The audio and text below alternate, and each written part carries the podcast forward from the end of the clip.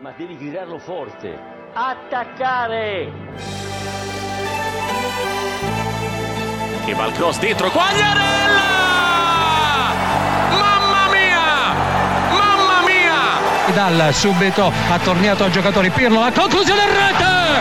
Andrea Pirlo! Un gol pazzesco! Con Karajan! La decide lui! La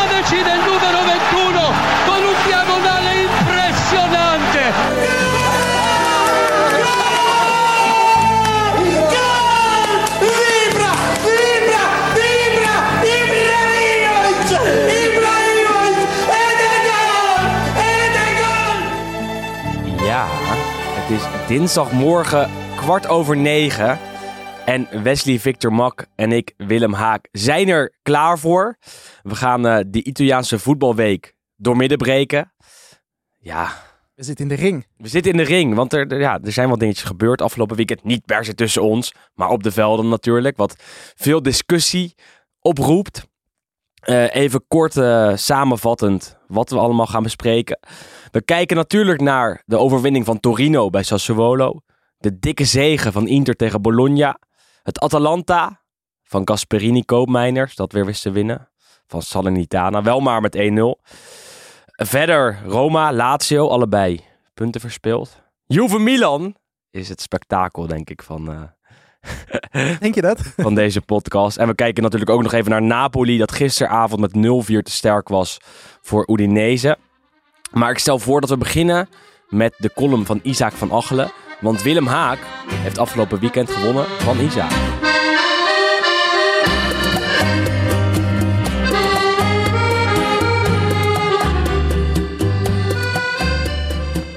Buongiorno amici sportivi. Ciao, Willem Haak.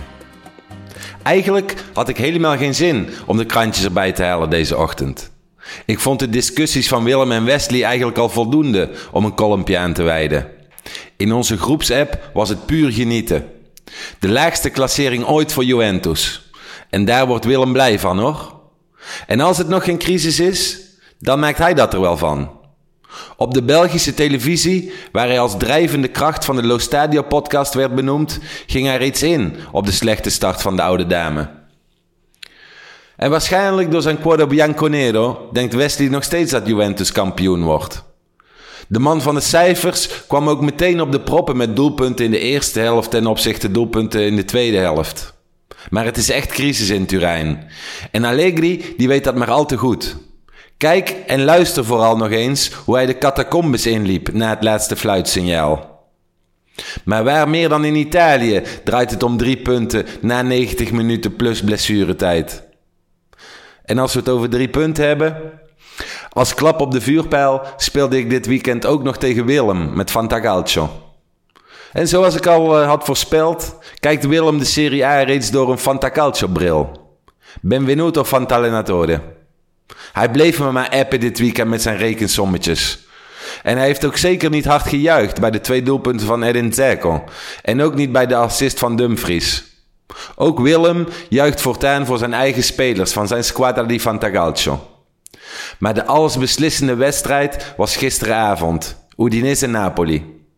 En we hebben kunnen zien dat we Napoli zeker niet uit kunnen vlakken dit seizoen. Maar als Oshimen doelpunten gaat afpakken van Insigne en die twee spelers staan ook nog eens tegenover elkaar, kan dat dus winst of verlies betekenen. En het frustrerende van alles is dat Insigne geen assist krijgt toegekend omdat het een schot op doel was. En dat puntje had ik net nodig om met 2-2 gelijk te spelen. Maar het was mij niet gegund. Complot. Willem Haak wint dus zijn eerste wedstrijd met Fantacalcio ooit. Un esordio bianconero voor hem. Hij steelt de overwinning en mijn frustratie zit heel diep. En nu moet ik vanmiddag ook nog naar dat geniepige lachje gaan zitten luisteren. Bah! Ik sluit me lekker aan bij Kamp Wesley. Al is het maar om niet bij Willem te horen deze dagen. Ik was veel beter, maakte meer doelpunten in de eerste helft dan in de tweede helft. Dat wat Allegri zei, heb ik zelf ook meerdere malen gezegd. Maar ik zie genoeg positieve punten voor de rest van het seizoen. En met verschillende Napolitani in mijn basiself komt dat nog wel. Want zoals de krantjes schrijven, Comanda Napoli. En Napoli testa tosta. Spalletti staat op 10 punten voorsprong op Allegri. Napoli staat prima eerste met 4 gespeeld en 12 punten. Tegenover de twee schermele punten van Juventus. Allegri stelt zijn spelers ter discussie met de niet te misstaande woorden: E questi vogliono giocare nella Juve. En zij willen voor Juve spelen. Spalletti forza 4, show e 4-0 a Udine. Dopo tre anni e mezzo, gli azzurri comandano da soli il campionato, Cop de Gazzetta dello Sport. Complimenti a Spalletti. E vabbè, anche a te, Willem. Congratulazioni, maledetto. Alla prossima.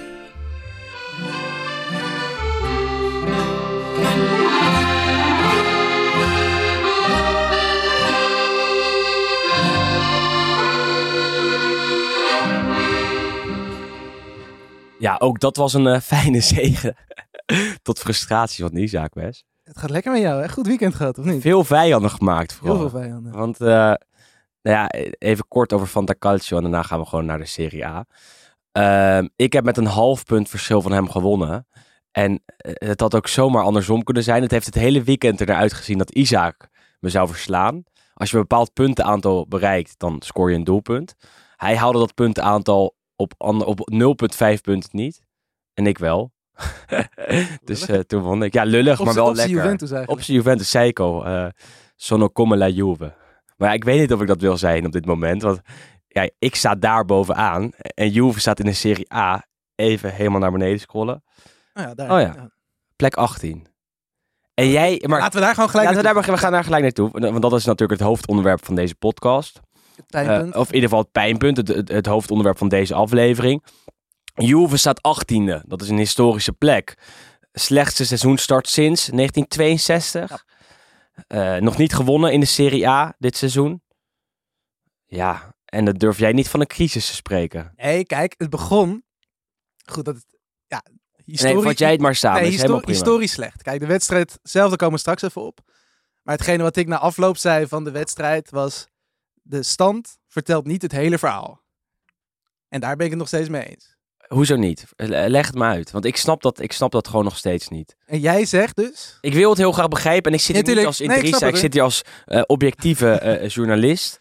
Ik bedoel, met de stand vertelt niet het hele verhaal. Ik denk niet dat alleen Cagliari en Salernitana dit seizoen slechter waren dan Juve. Maar dat, je wilt toch helemaal niet Nee, dat, nee, maar daar gaat Juve het nee, daarmee daar- vergelijken? Natuurlijk niet, maar daar gaat het niet om. Want je moet ze er mee vergelijken omdat ze op dezelfde hoogte staan op dit Dat, dat moment. snap ik, maar dat... eh, Nee, maar eh, kijk, dat ik laat jou even uitpraten, want anders dan... eh, Kijk, het ding is, het, het is duidelijk dat het natuurlijk niet goed is hoe het seizoen is gestart. En Napoli en Inter en Milan en Roma, onder andere, die zijn beter, want die hebben ook gewoon meer punten gepakt. Dus dat is gewoon natuurlijk objectief, is gewoon waar. Juve staat er heel slecht voor. Maar, Crisis. Maar ik vind wel dat de 18e plaats is niet het hele verhaal. Want je hebt en ehm, tegen Napoli vorige week speel je eigenlijk een goede wedstrijd zonder de helft van je basiself. Die verlies je, natuurlijk slecht. Tegen Milan speel je 75 minuten heel goed. In ieder geval de hele eerste helft speel je heel goed tegen de koploper op dat moment. En uiteindelijk de eerste beste kans, wat eigenlijk niet eens een kans is voor Milan, gaat erin en verspeel je weer punten. Dus je hebt in ieder geval twee topwedstrijden heb je gehad. En je staat aan het einde van de rit, sta je met lege handen. Maar ik denk niet dat er in de hele Serie A op dit moment van alle wedstrijden die we gezien hebben, maar twee ploegen zijn die ook daadwerkelijk slechter zijn geweest dan Maar Juve. ik snap dat hele punt niet. Nee, maar, nee, maar kijk, uiteindelijk, weet je, het, draait in een competitie, draait het om de punten. Zo simpel is het. En ook niet om de punten na één helft. En ook niet de punten naar één helft, daar ben ik het ook helemaal mee eens. maar hetgene wat ik wilde zeggen dus met het feit, het, de stand op de ranglijst vertelt niet het hele verhaal. Ik had me veel meer zorgen gemaakt. Ik had ook veel eerder van een crisis gesproken.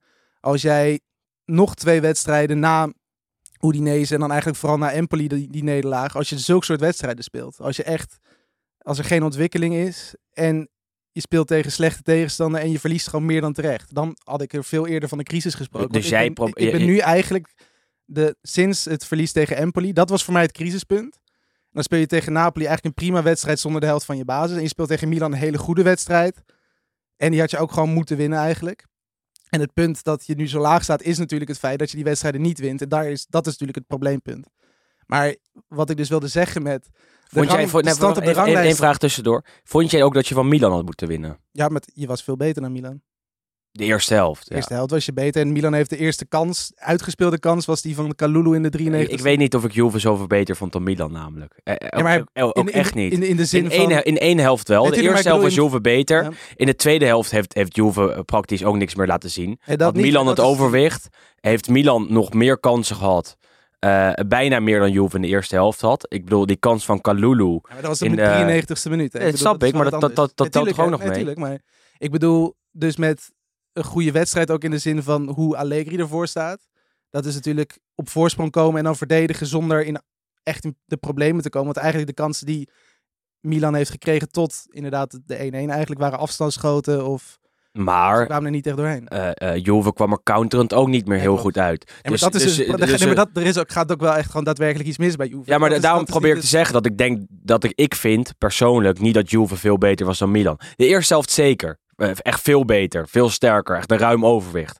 Eh, eh, kansen, die Bala die fantastisch was. Milan kwam er niet uit, Milan kwam er niet aan te pas. Dezelfde namen die het daar altijd laten afweten, liet het afweten.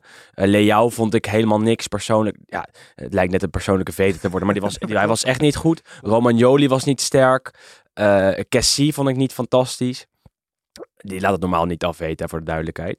Eh Salemakers, hè, die komt misschien nog net iets te kort. Eh Juve veel beter. Maar in de tweede helft eh, vond ik dat het echt heel erg was omgedraaid. Dus als je dan qua balans kijkt over die twee helften... en als je mijn beeld persoonlijk schetst van de wedstrijd... dan denk ik niet dat Juve daar echt had, per se had moeten winnen. Ik denk dat Milan echt heel erg veel aanspraak maakte op dat punt. Wat Allegri ook aangaf eh, na afloop, de Juventus-trainer. Als de wedstrijd langer had geduurd, ha- had ik eh, ervoor gevreesd om nog te Ja, verliezen. nee, natuurlijk, maar daar ben ik het meest. Maar het, het punt, denk ik, bij Juventus, en dat is het, het pijnpunt. En dat is gewoon, je begint vaak redelijk aan de wedstrijd. Want ze zijn in drie van de vier wedstrijden op voorsprong gekomen en ook heel vroeg op voorsprong gekomen. Dus dat is op zich het probleem niet. Alleen het is vooral, en dat is natuurlijk een heel mooi Italiaans woord. En daar wordt Allegri nu ook op aangepakt. Is la gestione della partita. Dus de, hoe de wedstrijd ook door de trainer wordt eh, ja, bespeeld op, op, op het moment dat je hem inderdaad uit moet spelen. Ehm, en dat is natuurlijk een heel duidelijk probleem. Want in de eerste wedstrijd, Udinese 2-0 voor, niks aan de hand.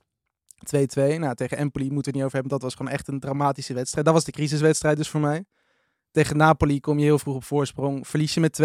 Nu kom je heel vroeg op voorsprong. Speel je met 1-1 maar gelijk. even, even tussendoor weer. Dat is het probleem natuurlijk. Eh, eh, eh, Allegri heeft hier een ouderwetse instelling, vind ik. Daar werd ja. hij al een keer op aangesproken. Volgens mij was dit letterlijk na de wedstrijd tegen Ajax. En hij werd uitgeschakeld in de Champions League drie jaar geleden. door Lele Adani. Dat is een van de Italiaanse voetbalanalytici. Inmiddels overal weggestuurd, want die maakt met iedereen ruzie. ruzie. Eh, Allegri en hij stonden ook te bekvechten op televisie. Adani zei eh, dat er eh, van de Italiaanse coaches een, iets meer vooruitstrevende gedachte moet worden ver- verwacht. Dat je als je 1-0 voor staat door moet gaan en niet achterover moet gaan leunen. Allegri was daar niet mee eens. Die zei, eh, Adani, jij weet niet wat het is om een toptrainer te zijn. Dit is hoe het is. Als je 1-0 voor staat, moet jij winnen. Het enige wat telt bij Allegri is winnen. Ehm, vervolgens komt Allegri dus terug, hè, dit seizoen, dus twee, twee jaar later. Na Pirlo, naar Sarri. Eh, gaat vervolgens voor eh, de zakelijke weg weer. Dat mag, hè? Dat, dat is bij Juve heel erg verantwoord en heel erg logisch. Alleen is het een redelijk ouderwetse gedachte die Allegri erop nahoudt. Want op het moment dat hij tegen Milan voorkomt en tegen Napoli voorkomt dus... ehm, En tegen Udinese voor. en tegen Udinese voorkomt, eh, besluit Allegri, zegt hij ook, om iets meer te verdedigen. En ehm, ja, op die manier met de kont in de krip, zeg je dat zo, kont in het eigen doel, ehm, eh, de, de voorsprong te verdedigen. En, en, en dat werkt klaarblijkelijk niet Nee. op dit moment met dit Juventus. Dus dan is het nu, en, en daar ben ik, ben ik dan heel erg nieuwsgierig naar, hoe Allegri dit zelf gaat, gaat evalueren. Zelf gaat evalueren en, en, en, en, en zelf gaat doorontwikkelen de komende periode. Want het blijkt niet te werken. Hij zegt het zelf ook. Deze jongens eh, eh, hebben nog niet die mindset van mijn Juventus in hun, in hun hoofd. Dan is het niet aan eh, de spelers om dat nu al direct te kunnen, denk ik. Maar aan Allegri om dat, dat aan te passen. En klaarblijkelijk eh, is het hem nog niet gelukt in het voorseizoen. Ehm, heeft het hem ook niet, heeft hij het ook niet voor elkaar gekregen in de eerste twee topwedstrijden van het seizoen. Ehm, En, en is het toch al een beetje hommeles. Als je dan naar het puntenaantal kijkt, 2 uit 4, je staat 18e. Je staat 10 punten achter op Napoli. eh 8 op Inter Milan, wat misschien wel twee serieuzere titelkandidaten nog zijn. Napoli inmiddels ook hoor. Ehm, Ja, het is, dan, dan, dan is er echt wel wat aan de hand. Ja, natuurlijk. Nee, maar daar ben ik. Kijk, ik ga echt niet zeggen dat, dat, dat het mooi weer is allemaal. Alleen, het, het, vertekent natuurlijk een klein beetje dat je ook wel twee topwedstrijden hebt gespeeld. Als je dat bijvoorbeeld Absoluut. vergelijkt met een Inter. Die, wat is het? eh, Genoa, Bologna, Sampdoria, Oh, eh, Verona. Verona hebt gehad. Ja, kijk, dat natuurlijk, het vertekent een klein beetje. Maar dat niet goed is, is duidelijk. En het is natuurlijk heel interessant om te zien. Die hebben wel 10 punten, hè? Ja, nee, natuurlijk. Nee, maar dat, ik bedoel, het vertekent ook wel tegen wie je speelt. Uiteindelijk verliest Juve ook van Empoli, dus dat kun je Ja, hij spelen ze gelijk tegen Udinese. Precies, maar, Dus dat is helemaal geen punt, want je speelt tegen hen ook. eh maar eh, het is je wel- ook niet de volle buit. maar als Inter tegen Milan en Napoli speelt... Ja, absoluut, heb je het lastiger. waarschijnlijk ook minder punten. Maar goed, het, het, het punt is, het is natuurlijk heel interessant hoe Allegri dit op gaat lossen. Want wat jij ook, je was natuurlijk van het weekend bij Eleven in België. Je bent een eh, Ja, eh, ik ben beroemder in België dan in. Nederland inmiddels. bekende. Vlaming intussen. Ja, door Sportza en Eleven. Dat, zijn mijn mooi? vrienden. Dat is toch mooi. Ja, het was hartstikke leuk met Dieter Land uit. Dus jij was daar over Juve aan het praten. Ehm, en toen zei je inderdaad ook van het, team wat Allegri toen had. Dus wat, je praat toen volgens mij over 2015, 16, toen natuurlijk ook die slechte seizoenstart Absoluut, was. ja. Ehm, toen zei jij ook terecht, het team was toen ook gewoon simpelweg veel beter. En dat is natuurlijk ook een van de grote ehm, veranderingen, denk ik ook voor Allegri persoonlijk. Dat eh, je kunt op zich best die ouderwetse speelstijl, die, die, die ouderwetse filosofie, of in ieder geval zijn ouderwetse filosofie van voorkomen, voorsprong verdedigen, kun je op zich best hanteren. Als jij op doel hebt staan, Gigi Buffon. Je hebt ervoor drie man die nooit een fout maken. Op dat moment Barzali, Chiellini, Bonucci. Dan kan dat. Alleen je staat nu met Chesney, die dit seizoen al drie keer een flaat heeft begaan. Die speelt met Chiellini en Bonucci, die intussen vijf jaar ouder zijn en ook foutjes maken. Ehm, en je wisselt natuurlijk ook veel, want soms staat de licht daar weer tussen. Dat geeft natuurlijk ook geen zekerheid als jij ja, praktisch... Volgens mij hebben ze nog geen wedstrijd met hetzelfde verdedigingsblok gespeeld. Kijk, dat zijn natuurlijk wel allemaal dingen die meespelen. En zeker ook als je dan natuurlijk nog steeds het middenveld kijkt. Zou het een tegen zijn gevallen? Hoe goed de selectie van Juve is? Of hoe slecht ze Ja, dus ik, eigenlijk kijk, zijn? ik, ik zat net, ik was hier een kwartiertje eerder, dus ik zat hier eventjes buiten alvast een beetje mentaal voor te bereiden op deze aflevering. En ik zat te denken van volgens mij, ehm, kijk, het kan hem niet ontgaan zijn. Ik denk wel dat Allegri bij uitstek een, een trainer is die ook gewoon voetbal kijkt en ook gewoon echt heel goed op de hoogte is. En ook zelfs nog als buitenstaander zeg maar heel goed weet wat er binnen Juve speelt. Ehm, maar ik vind eigenlijk, en dat is best wel pijnlijk misschien om te zeggen, dat Juve en Barcelona op dit moment misschien een beetje in hetzelfde schuitje zitten. Op welke manier? Op de manier dat, Barcelona, eh, voor de duidelijkheid, daar gaat het niet goed. daar gaat het ook gewoon niet goed. Daar zijn natuurlijk wel de financiële problemen nog iets groter. Al waren natuurlijk de jaarcijfers van Juve niet ook de slechtste in de Serie A-geschiedenis. Ehm, maar ik denk dat beide Van ploegen- Juventus zelf, Van? Juventus Ja. zelf. Ehm, maar ik ben... Ik, ja, ik, ik vind het op dit moment eigenlijk wel redelijk vergelijkbare ploegen. Dat ehm, misschien Koeman is dan meer de Pirlo van vorig seizoen, zeg maar. Dat Allegri... Dus Juve is nu iets verder, omdat Allegri weer terug is. Wat wel ook gewoon een trainer met echt wel kwaliteit is voor een topploeg.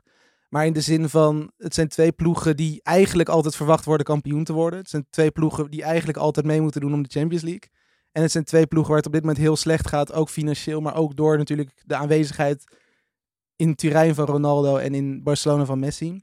En het feit dat die nu natuurlijk allebei zijn vertrokken en toch ook wel dat gat op een bepaalde manier moeten vullen. En dat de selectie door de aanwezigheid van Messi en Ronaldo niet versterkt is. Maar ik heb hier wel een punt over. Bij Barcelona staat er niemand klaar op dit moment.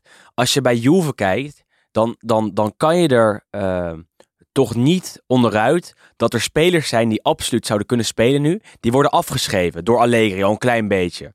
Eh, even een, een, lijstje opnoemend. Matthijs de Ligt is, is nummer 1. Die wordt niet afgeschreven, maar die heeft nu in de... Afgeschreven is overdreven. Die, die, die minder de kans krijgen dan onder Pirlo of Sarri, denk ik.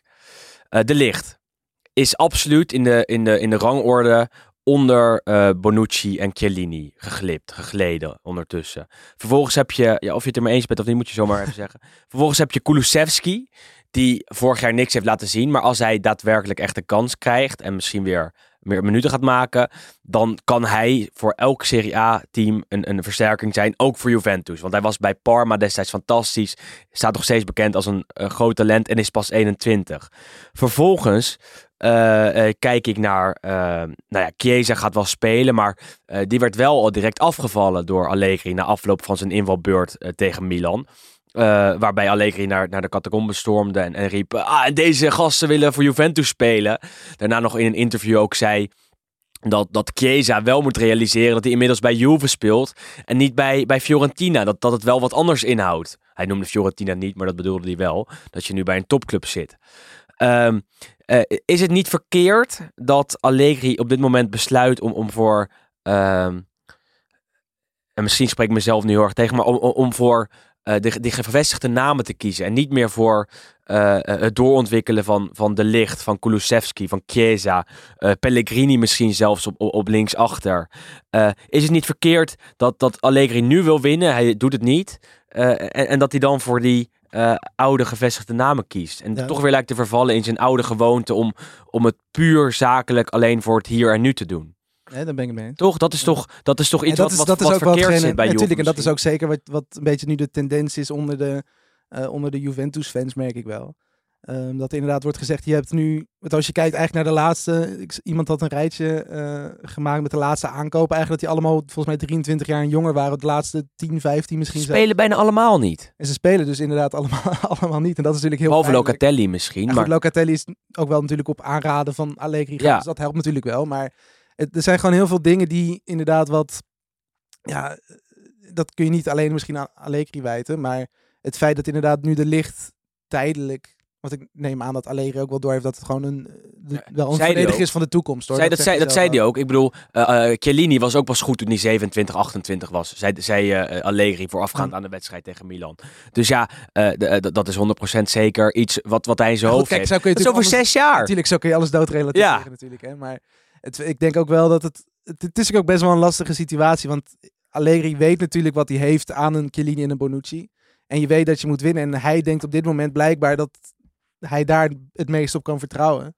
Ehm, alleen, daarom is het dus ook heel interessant om te zien of... Zeg maar, hoe lang hij dat vol gaat houden. En of hij op een gegeven moment ook gewoon zegt van... We moeten nu inderdaad toch iets anders proberen. En het feit dat natuurlijk Kulusevski en Chiesa niet spelen eigenlijk nu. Dat is natuurlijk ook vreemd, omdat ze hebben eigenlijk onder Pirlo en Sarri ook regelmatig met natuurlijk een soort 4-3-3 opstelling. Want Toen stond natuurlijk Ronaldo op linksbuiten en dan vaak Morata in de spits bijvoorbeeld. Ehm, en je speelt eigenlijk nu ja, de opstelling van Juve misschien 4-4-1-1, 4-4-2. Eh, ja, en dan heb je natuurlijk vrij weinig aan een Chiesa en een Kulusevski op die vleugels. Nou, zeker, Chiesa nee, kan maar, daar natuurlijk, maar zeker, zeker als je nu ziet dat bijvoorbeeld een Rabiot dan op links half wordt gezet. En dat dat dan zeg maar de speler moet zijn met de meeste diepgang en waar ook echt iets in zit.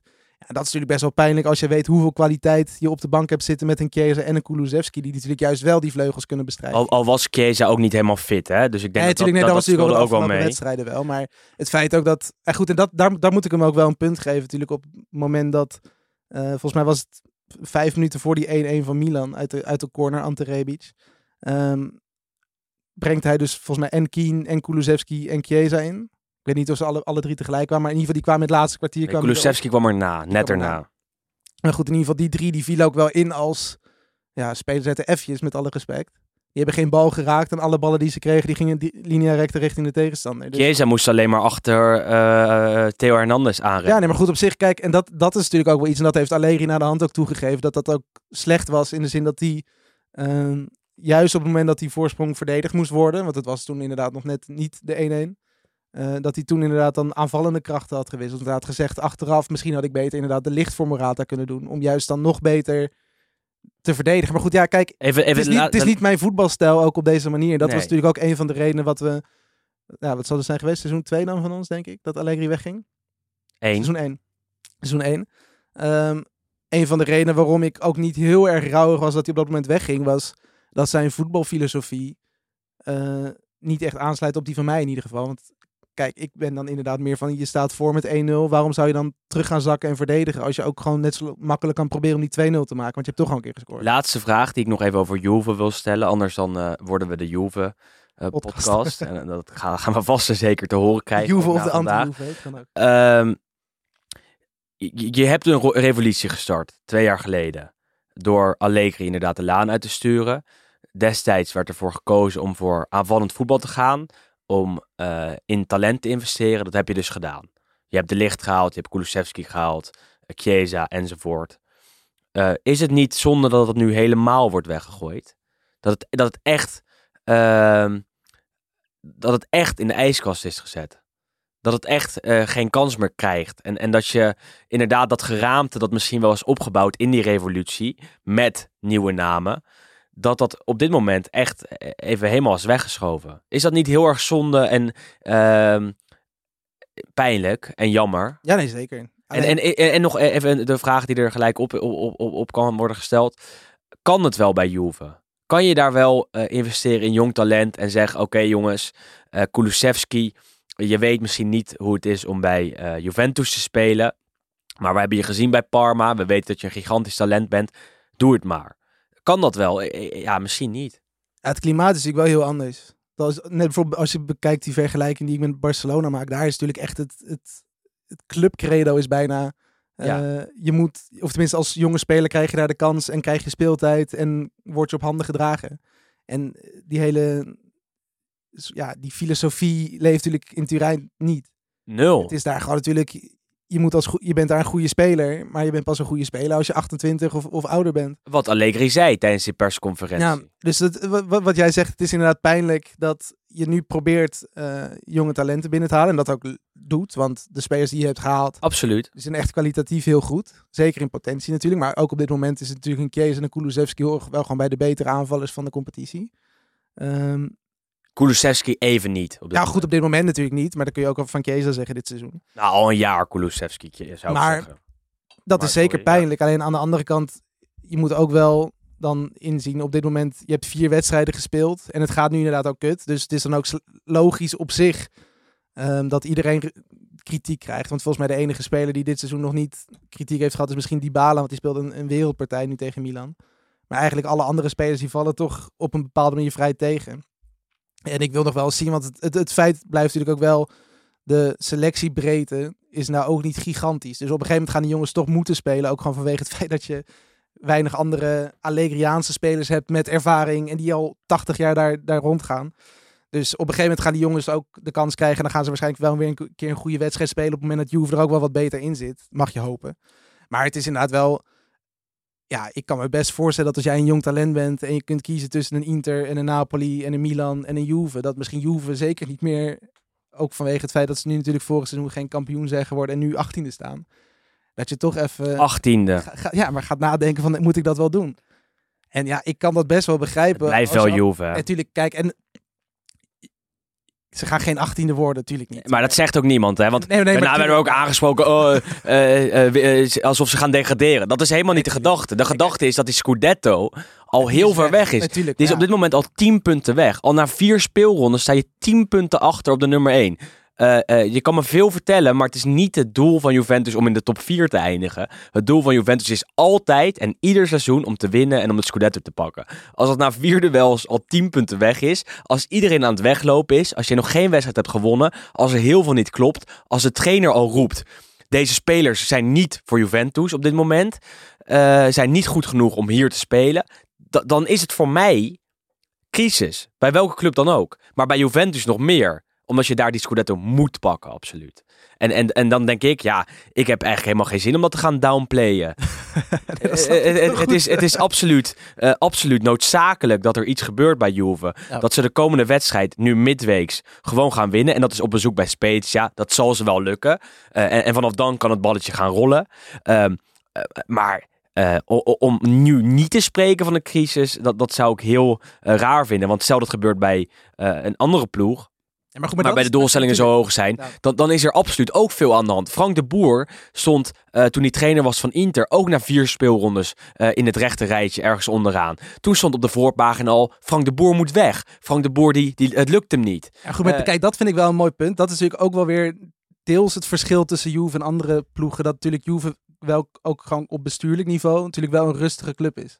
Absoluut. Dus en ook op, op medianiveau Nee, hebben zij de hele stroom onder ja. controle. Dat, dat is gewoon zo in dat, dat helpt natuurlijk wel. En dat vind ik ook wel. Tenminste, niet dat dat een reden is om de crisis te downplayen. Maar je merkt wel veel minder de crisissfeer in ieder geval bij Juve na zo'n slechte start. Als dat hij bij iedere andere club was het, is, het is in die zin een, een, een niet-Italiaanse club. Dus Nee. eh, eh, ze blijven veel kalmer. Als dit bij die anderen gebeurt, dan zijn er ook fans die veel meer aan het zaniken zijn. Dat is nu bij Juve ook, maar eh, op een andere manier zo bij Inter, bij Napoli, bij, bij, bij Roma. Maar eh, als ik er zelf naar kijk en, en ik zie dit voor mijn neus gebeuren en ik zie dat eh, Milan echt heel goed partij kan bieden, eh, dat, dat Juve hiervoor van Napoli heeft verloren, ja, dan, dan denk ik dat er heel veel aan de hand is. Maar dit gaan we de komende weken vast en zeker nog, nog, nog verder uitdiepen. We gaan echt niet elke week een half uur over Juve praten, maar Nee, was van, vandaag was het wel, of is het het onderwerp van, van de Serie A zou ik zeggen. Naast wat andere zaken die absoluut opvallend waren. Zullen we eerst even naar Napoli gaan? Ja, of, Dat, nog eh, even Milan even benoemen. Maar dat, dat, ja, daar is niet zo heel veel verder aan te, aan te zeggen. Behalve dat eh, Tonali weer fantastisch was voor de eh, vierde week op rij. Dat hij Benacer misschien wel uit de basis gaat houden bij Milan. Wat, wat heel knap is. Want Benacer was aan het eind van vorig seizoen absoluut onbetwiste basisspeler bij de Rossoneri. En ik wil Rebic nog een keer eventjes benoemen. Ehm, als het mag van jou. Ja, nee, tuurlijk. Want eh, Ibrahimovic is geblesseerd. Ik denk dat Milan zich moet gaan voorbereiden op een seizoen waarin eh, Ibra misschien maar 40% van de wedstrijden gaat spelen. Misschien nog minder. Dat was vorig jaar ook al zo. Ehm, en dan heb je Giroud gehaald als, als alternatief. Maar Rebic zat er al en die kan ook gewoon in de spits spelen.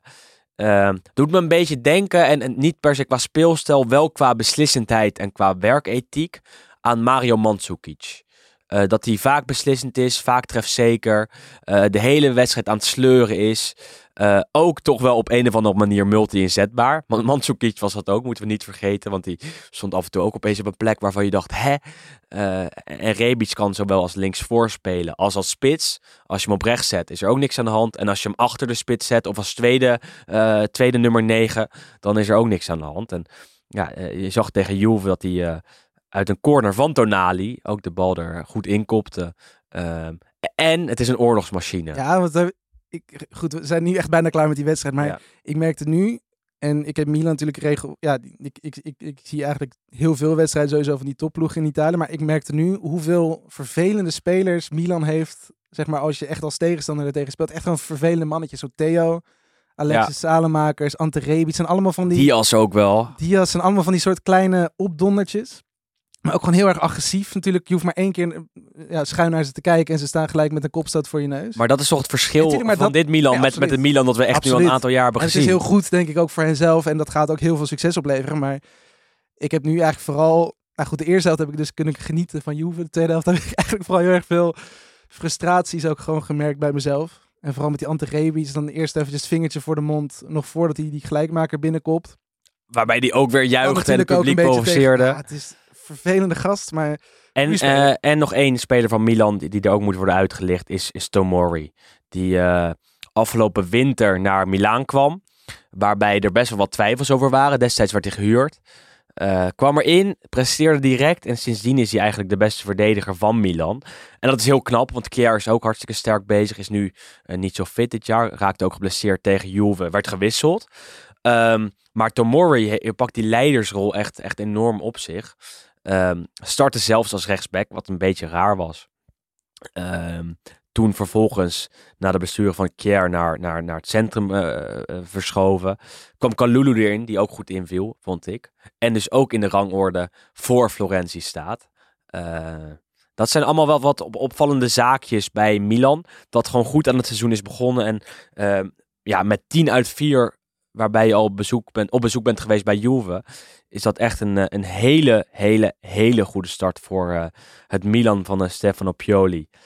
Waar het de goede kant op gaat. En, en, en zeker op deze manier ehm, kan worden gesproken over de Scudetto. Maar daar gaan we mee uitkijken vanaf nu. Want vorige week hebben we heel lang over Roma gepraat. En Roma verloor ineens. Daar komen we zo nog even op. We gaan naar Napoli denken. Lijkt me wel terecht. Udinese 0-4 Napoli. Napoli van Luciano Spalletti. Publiekslieveling. Lieveling van de Lo Stadio podcast. Al, al jarenlang. Echt een fantastische eh, man is dat. Was even weg. eh, nu terug in de Serie A. En bij Napoli. Ja, vier wedstrijden, vier overwinningen. Twaalf punten. Twee doelpunten tegen. Het, eh, het loopt als een trein daar. Ja, het is, het is, het is razend knap. En ja, ik, ik gun het Luciano Spalletti, gun ik het 100%. Want wat, wat jij zegt, we, ik denk een van de mooiste trainers ook gewoon qua ehm, ja, eloquentie. We zeggen dat volgens mij ook Mooi, mooi verwoord. Ja, op zijn Spalletti. Ja. op zijn Spalletti. Ja, Ja, het is inderdaad gewoon echt een, een, een ja, een, een mooi mens eigenlijk. Een mooi figuur gewoon. Ook gewoon in zijn manier hoe hij eh, denkt over voetbal. Maar vooral ook de manier waarop hij communiceert. En dat straalt ook een, ja, een enorme rust uit. En dat is zeker bij Napoli is natuurlijk heel belangrijk. Waar ze natuurlijk vorig seizoen eh, met Gattuso eigenlijk het tegenovergestelde hadden. Iemand die gewoon met ieder woord ja, een soort van niet stress, maar ja, het tegenovergestelde van rust uitstraalde. Zwetend. En, de Ja, maar ja, en, en Spalletti, en Spalletti is, gewoon echt het, het, het, het summum van rust bijna. Ehm, ook natuurlijk mooi dat hij in zijn vrij, of tenminste ja, buiten de voetballerij op een boerderij met zijn gans zit. Op een tractortje, een beetje, een beetje wijn drinken. Kijk, dat, dat is natuurlijk ook wel echt iets wat bij hem past. En ik vind het prachtig dat ze het zo goed doen. En eh, natuurlijk niet alleen in de, in de competitie, want ze speelt natuurlijk ook een, een vrij aardige wedstrijd op, eh, in het King Power Stadium in, in Leicester van de week in de in Europa League. Gary Lineker zei toen ook al, het zou me niet verbazen als Napoli kampioen wordt. En goed, als je dan ook weer terug gaat dan naar, de, naar de competitie, maandagavondwedstrijd, Udinese, normaal gezien echt een rotploeg om tegen te spelen. Want er, ja, je scoort daar vrij weinig tegen en daar zit zo weinig voetbal in in Udinese. elke, elke topploeg of subtopploeg heeft het daar zo lastig. Omdat ze alleen maar verdedigen, alleen maar schoppen. En over irritant toen gesproken. Tijdrekken, Eh, ja.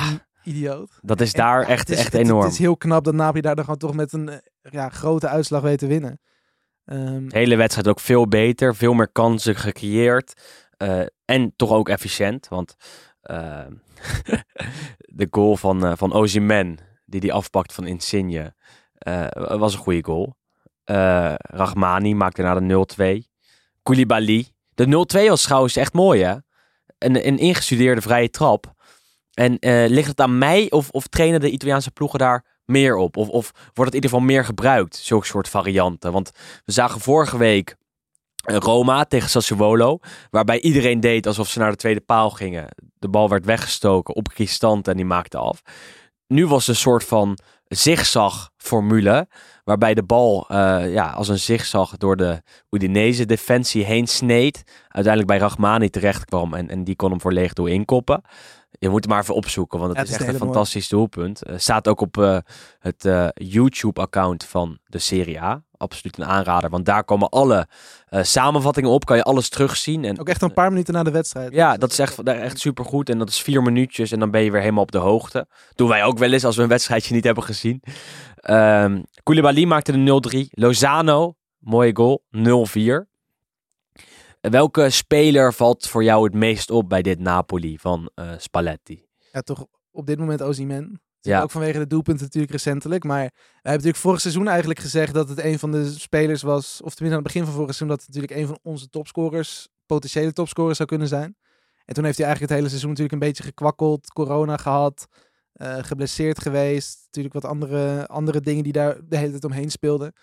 Ehm, maar dit seizoen, ja, hij is wel goed begonnen natuurlijk. Tegen Leicester vorige week ook supergoed. En, en met een mooie atletische goal.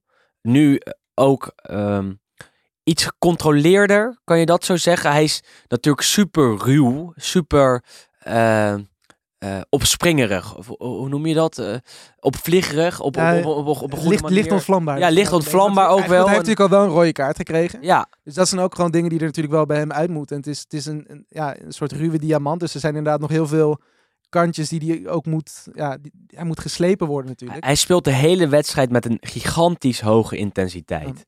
En, en dat zie je eraan af. En dat zag je ook tegen, tegen Napoli eh, gisteren. Toen het al 0-3 stond. Tegen Eh, Udinese. tegen, eh, sorry, tegen Udinese. Namens Napoli. dat hij toch weer zo hard werkt en, en voor zichzelf een kans creëert. En dan vanuit de rechterkant van het veld, net buiten de 16, keihard uithaalt. En dan gaat hij net voorlangs.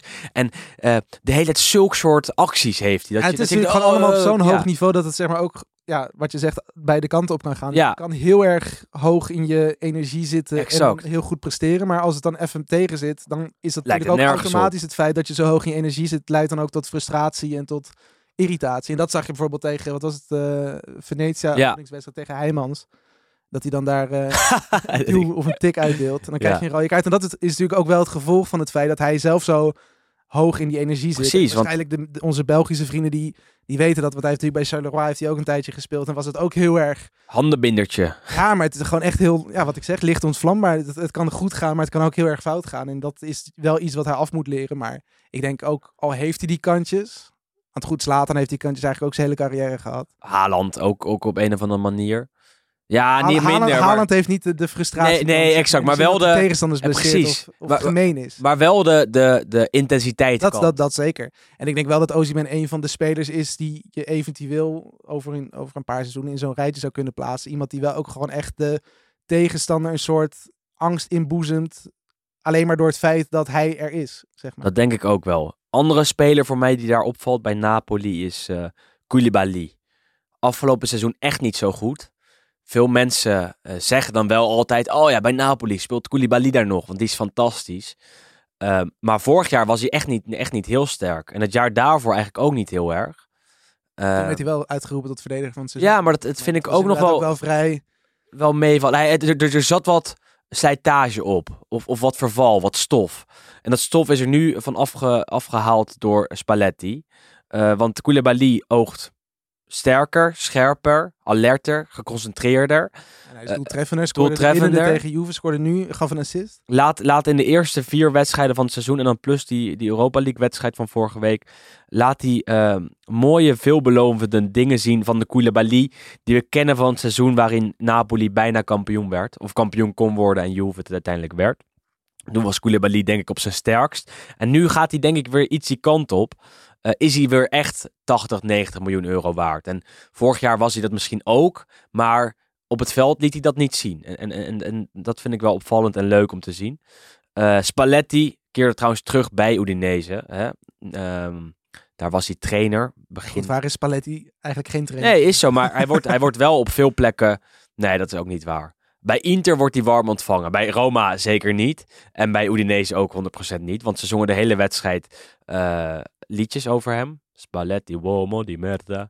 En ehm, En goed, ik denk ook als hij straks terugkomt bij, wat is het, Empoli? Daar is hij begonnen ooit als trainer, Ja. geloof ik. Daar zal hij warm, warm ontvangen worden. Bij lijkt me Venetia wel. warm ontvangen worden. Ja, bij, bij Udinese was het echt geen warm welkom. En ehm, omdat hij daar Pardoes wegging, in 2005 geloof ik dat het was, eh, ja, ging weg en, en, en met ruzie en, en uit het niets was dat.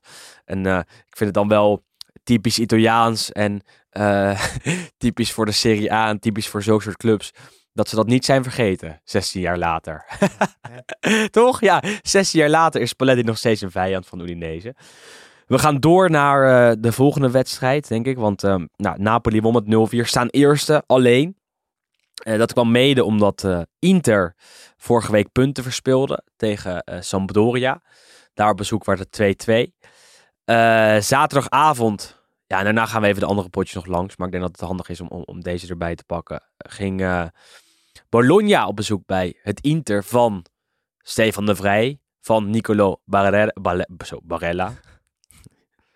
ja, die R moet je altijd kiezen of je, of je hem op zijn Italiaans doet of op zijn Nederlands. Of op zijn Belgisch misschien.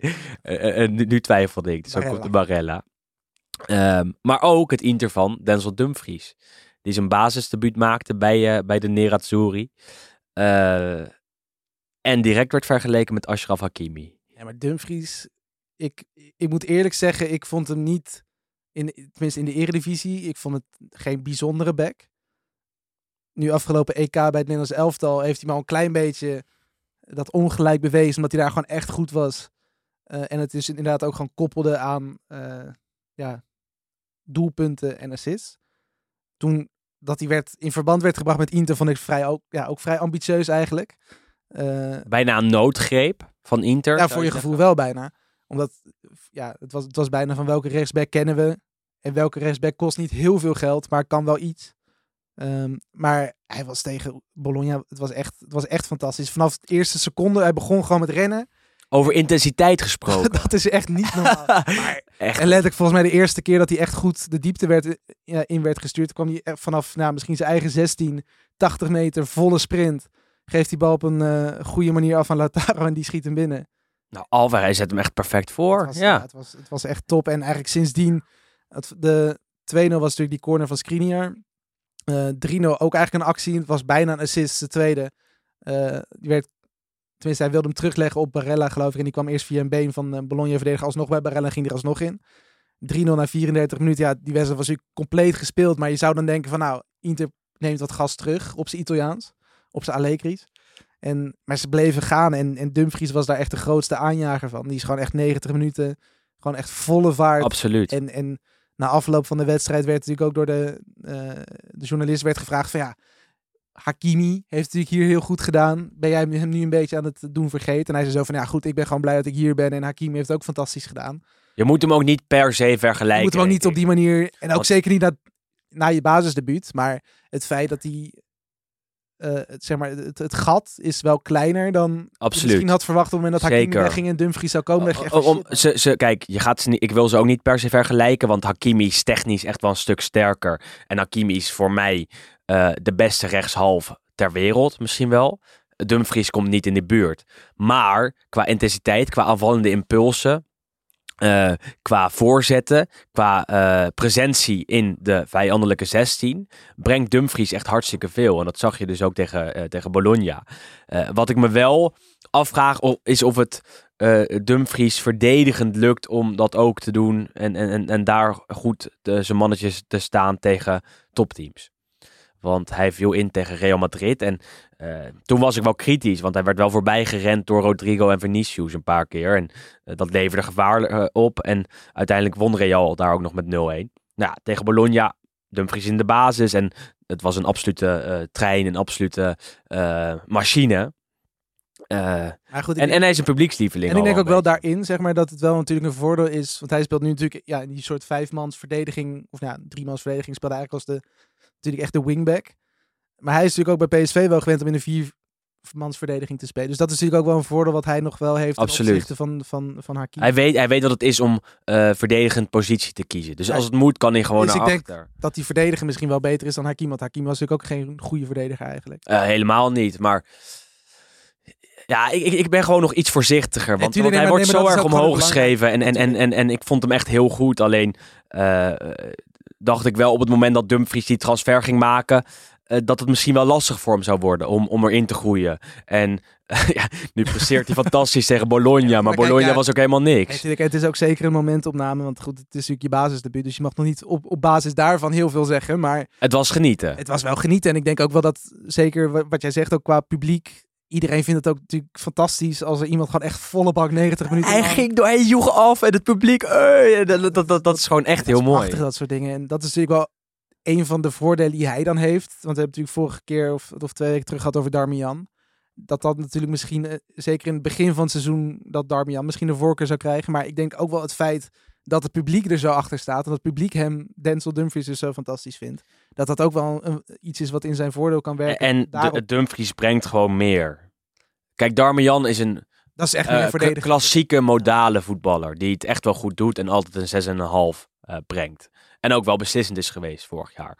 Dumfries brengt eh, intensiteit, diepgang, ehm, fysieke kracht. Wat, wat Inter heeft ingeleverd hè, afgelopen zomer. Natuurlijk met Lukaku eh, die vertrok. eh, en Hakimi op een andere manier. En eh, dat, dat vervangen ze nu met, met Nzeko en met, en met Dumfries. Korea zou ik niet in dat rijtje scharen.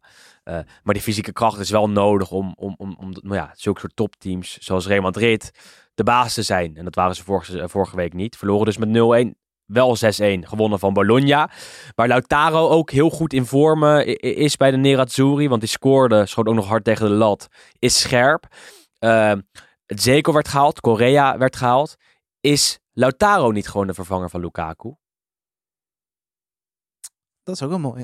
Ik denk het- dat dat zo is. Het is in de zin van dat dat degene is die waarschijnlijk 38 wedstrijden gaat spelen, mocht er niks geks gebeuren wel.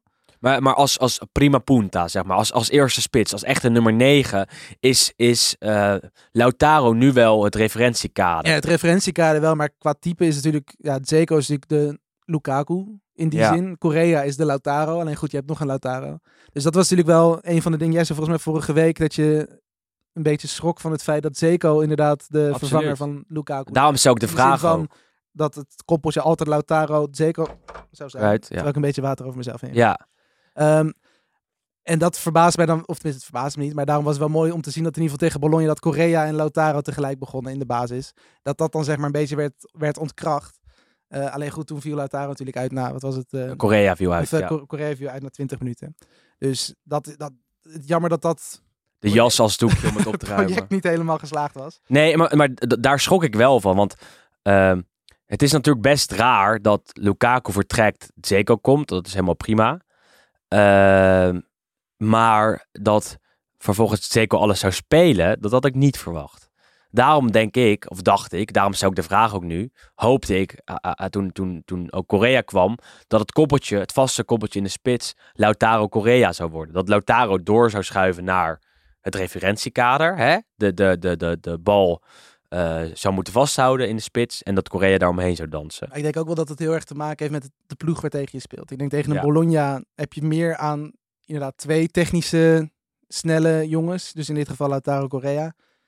En ik denk dat je tegen topploegen heb je wel ook meer gewoon dat je Zeko inderdaad als soort van kapstok gebruikt. En dan daaromheen of Lautaro of Correa. En dat zal dan waarschijnlijk Lautaro worden. Zeko scoorde trouwens ook gewoon twee keer, waarvan daar mag je niks waar, van ja, zeggen, allebei maar- goede goals, dus eh, eh, er was ook niks aan de Maar het is hand. wel inderdaad ook wat je zegt interessant om te zien hoe dat zich door, de, door het seizoen ontwikkelt. En ook op welke momenten Simone Inzaghi kiest voor welke spits. En Zeko is beter dan verwacht, hè?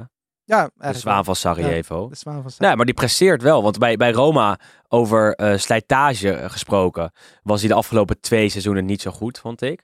Nu komt hij bij Inter en eh, er lijkt toch een nieuwe impuls te zijn bij hem. Hij, hij lijkt de wil om echt te voetballen weer te hebben hervonden. Ehm, waardoor hij nu presteert. En het, het is absoluut een goede speler om erbij te hebben op dit moment. En ik vergeleek het met spelers zoals Nainggolan, en Vidal. Die werden gehaald, Kolarov. Ook op die leeftijd naar Inter kwamen. Eh, die hebben allemaal niet echt gepresteerd. Vidal heeft nog wel iets toegevoegd, maar hè, als we eh, die drie aankopen moeten analyseren, is het allemaal een onvoldoende. Ik zou Zeko in dat rijtje hebben geschaard aan het begin van het seizoen. Dat heb ik ook gedaan. Eh, alleen als je het nu bekijkt, heeft hij nu al veel meer toegevoegde waarde dan die drie spelers gehad. Behalve dan de Ingolan Inter naar de Champions League schoot tegen Empoli een paar jaar geleden. Maar Zeko is overal gezien al beslissender geweest en al aanweziger. En zeker een speler die in de basis kan starten. En dat waren die anderen eigenlijk de hele tijd niet. Ehm, van Hooijdonk viel nog in bij Bologna. Dijks, terug van een blessure, viel ook in. Schouten nog wel geblesseerd. Eh, en, voor de Belgische luisteraars, Belgische Arthur Theat van eh, KVO maakt een doelpuntje. maakt een doelpunt. De, de 6-1. eerste, eh, wie, wie lette daar niet op? Was dat Dumfries? Volgens mij Dumfries die gaf hem, tenminste die wilde die Ja, dat speler wilde hem overgeven aan iemand anders. Nee, dit was de andere kant, toch? Zo. Ja, maar het, wa- het was helemaal Wel? rechts. Het was volgens mij Dumfries mannetje in het begin. Of het was Vezino, Vezino's mannetje waarschijnlijk, want had Zoiets, denk ik. mannetje Ja, lopen. ja. En volgens mij zei Vezino tegen Dumfries, pak jij hem? En alleen hij zei het op het moment dat Theater helemaal vrij stond. Dus Dumfries die zit een laatste sprint in. Maar die kwam natuurlijk nooit meer in de buurt. En Ja. Theater komt hem heel goed binnen. ja 6 Toch ook wel een vrij opvallende transfer was dat. Want het gebeurt natuurlijk niet vaak dat er ook ehm, door Italiaanse ploegen wordt gekeken bij de, met alle respect, in België toch iets kleinere ploegen dan de Club Brugges en de, en de Standaards en Anderlecht. Nee, hij, dat, hij- hij doet ja. het op zich doet hij het. eh, Doet hij En, en het is wel eh, typisch voor Bologna, want eh, wat je zegt met de kleinere Belgische clubs geldt ook voor de kleine Nederlandse clubs. Want ze pakken... eh, Van Hooijdonk bij ja, NAC. Ik exact. het de, de keukenkampioen. Nou ja, en ik vind het leuk dat Van Hooijdonk, eh, vriend van de show overigens, dat hij, dat hij inviel. En toch wat minuten mocht maken in San Siro. Eh, nou, dat, dat, geeft wel vertrouwen, want dan mag je ook wel gaan spelen tegen wat andere teampjes, denk ik. En blijkt hij misschien wel de eerste vervanger van Arnautovic te zijn.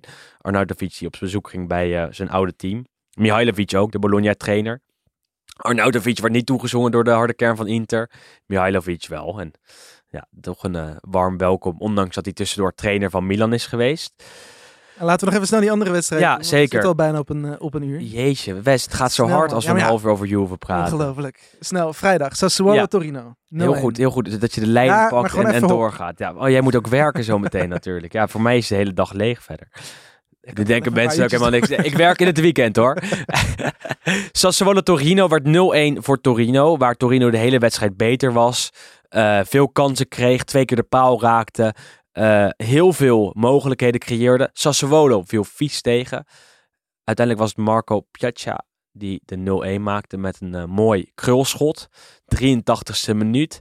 Djuric heeft het daar uitstekend voor elkaar. Ja, het, is, het, blijft heel knap. En het is, het is natuurlijk een goede trainer. Dat hebben we natuurlijk gezien bij Verona. Maar ja, toen hij naar Torino ging, zeiden wij tegen elkaar van wat is die man aan het doen? Ja. het zo goed voor elkaar bij Verona en echt het hele team naar je hand gezet. En die spelen echt heel goed voetbal. En dan ga je naar Torino, wat natuurlijk en qua beleid dramatisch is over het algemeen. En qua verkoopbeleid dramatisch is. En qua aankoopbeleid dramatisch Maar qua ze, heb- resultaten ze, hebben, wat, ze hebben wat, wat interessante spelers gehaald. En dat is uiteindelijk, Uiteindelijk. op de laatste speeldag, of de laatste de transfer Ja. deadline, hebben die volgens mij acht spelers gehaald voor mijn gevoel. Pobega is goed. Brekalo vond ik eh, eh, super interessant spelen.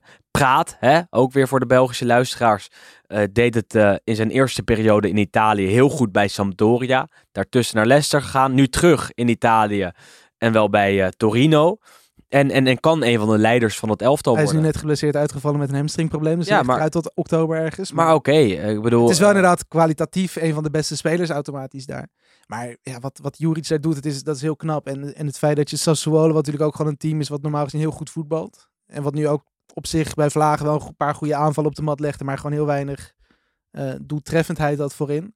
Speler om daar in de gaten te houden, Fratesi. Ja, Dat is echt een leuke, echt een dat, goede dat is een hele leuke, eh, niet, niet per se een leuk verhaal, maar wel een leuke speler die eigenlijk de laatste jaren de hele tijd is verhuurd. Want je bent in Italië, tenminste hier bijvoorbeeld in Nederland bij een Ajax zou je zeggen, die jongen die is 16 of 17, die is goed, die gaat spelen. En in Italië is dat natuurlijk niet zo. Nee. Dus die is door Sassuolo, is die volgens mij echt nu vijf seizoenen op reis, die verhuurd aan allemaal Serie B ploegen. Ascoli, Empoli, Monza. En, en daar doet hij het op zich aardig, maar die jongen is ook niet meer de allerjongste.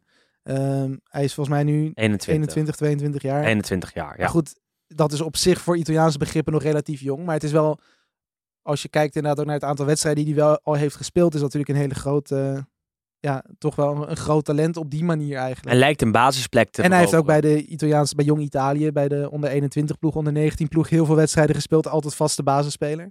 Het is nu dus inderdaad leuk om hem ook in de Serie A in actie te zien. En dat is inderdaad wel een, een, een leuke, leuke speler om in de gaten te houden. Absoluut. En bij, bij Torino net zo goed. eh, geldt het net zo goed voor Pobega. Die, Ja, eh, die we vorige Ja, week ook hebben genoemd. eigenlijk. Beetje hetzelfde verhaal. En die nu eh, door Milan wordt verhuurd en, en bij Torino zit. Dat zijn twee spelers waarbij je echt, echt moet gaan kijken. En, en je moet gaan opletten de komende weken als zij spelen. Of de komende midweek al. Want er staat een midweekse speelronde op het programma.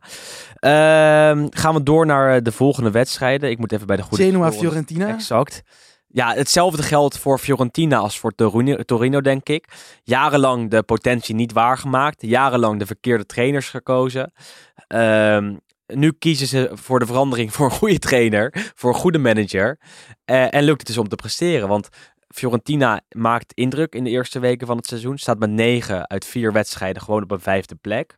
En won dus ook bij, eh, bij Genoa. En dat was ook wel, tenminste, ik, het was heel lang 0-0. En ik vond Genoa eigenlijk helemaal niet onderdoen. Ze waren eigenlijk best wel goed. Ehm, en je hebt daar altijd, ieder seizoen, dan kun je je klok op gelijk zetten. Ricardo Saponara Eén potje. is een middenvelder die sowieso weinig speelt, want hij is heel vaak geblesseerd. Maar het is ook een speler waarvan je ieder seizoen weet, die gaat waarschijnlijk één of twee werelddoelpunten maken. Ehm, heeft toen volgens mij een keer namens Sampdoria tegen Juventus, die werd toen afgekeurd in de laatste minuut. Tegen Lazio deed hij het een keer met, eh, met de hak in de laatste Hij seconde. heeft een keer zijn broek het 1-1 voor uitgetrokken toen hij het publiek in, eh in dook, geloof ik. Dat was volgens mij dat doelpunt. Ja, die, die heeft iemand op zijn lichaam getatoeëerd. Ja. Toch was volgens mij in de, in de allerlaatste Ja, seconde klopt. de gelijkmaker. Met, met echt een prachtige, prachtige hakbal. Een soort lophakbal. Eh, en die blote billen stonden ergens op de koer van Noord. Ja. Ja, Schitterend. goed, maar hij maakt ieder seizoen maakt hij een paar werelddoelpunten. En nu eh, had hij hem, ja, speelronde 4, dacht hij van dit is het moment. Dus eh 0-1. Hij lijkt heel erg op Amrabat. Ja, Er is een fotootje. Kaal baardje. Kaal baardje. Iets, iets, iets buikje misschien zelfs. Hè. Zijn ogen niet helemaal fit. Maar hij doet het wel. En uiteindelijk 2-0, net, net voor tijd van eh, Bonaventura. En toen kreeg Genoa nog een vrij makkelijke penalty 1-2. Ja, kom op. Hij raakte hem, dus daar mag de VAR er niks van zeggen. Ah, Dat wat een bullshit. Ja, ja, En Wat, wat is het nou voor penalty, toch? Eh, niet. Ja, gast. Als je hier al strafschop voor gaat geven, hij, raakt hem echt bijna niet. Hij schampt hem.